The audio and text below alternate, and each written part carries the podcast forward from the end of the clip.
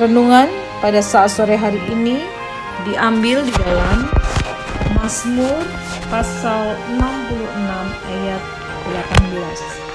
Seandainya ada niat jahat dalam hatiku, tentulah Tuhan tidak mau mendengar. Dosa adalah penghambat doa. Ketika kotoran menyumbat gerigi sebuah arloji, jarum jam tidak dapat berjalan dengan tepat tatkala dosa orang yang berdoa dilihat Allah, permohonannya tidak mungkin masuk ke telinga Allah. Dosa berteriak lebih nyaring dari doa-doa kita. Dosa sekecil apa pun yang disukai dan dicintai akan menghambat perjalanan doa kita. Sesungguhnya tangan Tuhan tidak kurang panjang untuk menyelamatkan dan pendengarannya tidak kurang tajam untuk mendengar.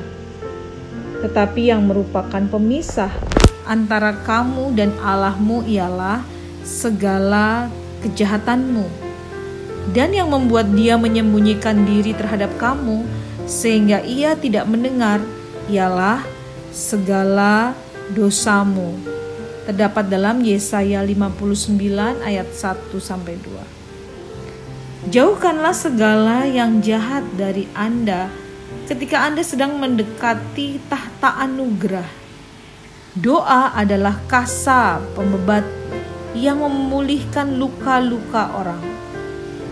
Jika orang cedera oleh anak panah atau peluru, anak panah atau peluru itu harus dikeluarkan dulu sebelum dapat dibalut. Doa tidak akan berhasil hingga rasa cinta terhadap dosa dikeluarkan dari jiwa. Kemarahan dan pikiran-pikiran duniawi juga penghambat doa. Kegeraman dan kemarahan bagaikan ragi yang merusak korban bakaran. Orang yang memohon damai sejahtera dari tangan Allah tidak boleh berdoa dengan adanya peperangan di dalam hatinya sendiri. Apakah Anda mengira Allah akan menghapuskan utang Anda yang berjuta-juta ketika Anda tidak mengampuni saudara Anda yang berhutang sepeser? Orang fasik sanggup mengasihi sahabatnya, tetapi orang percaya harus mengasihi musuhnya. Kita wajib mengampuni mereka yang bersalah kepada kita.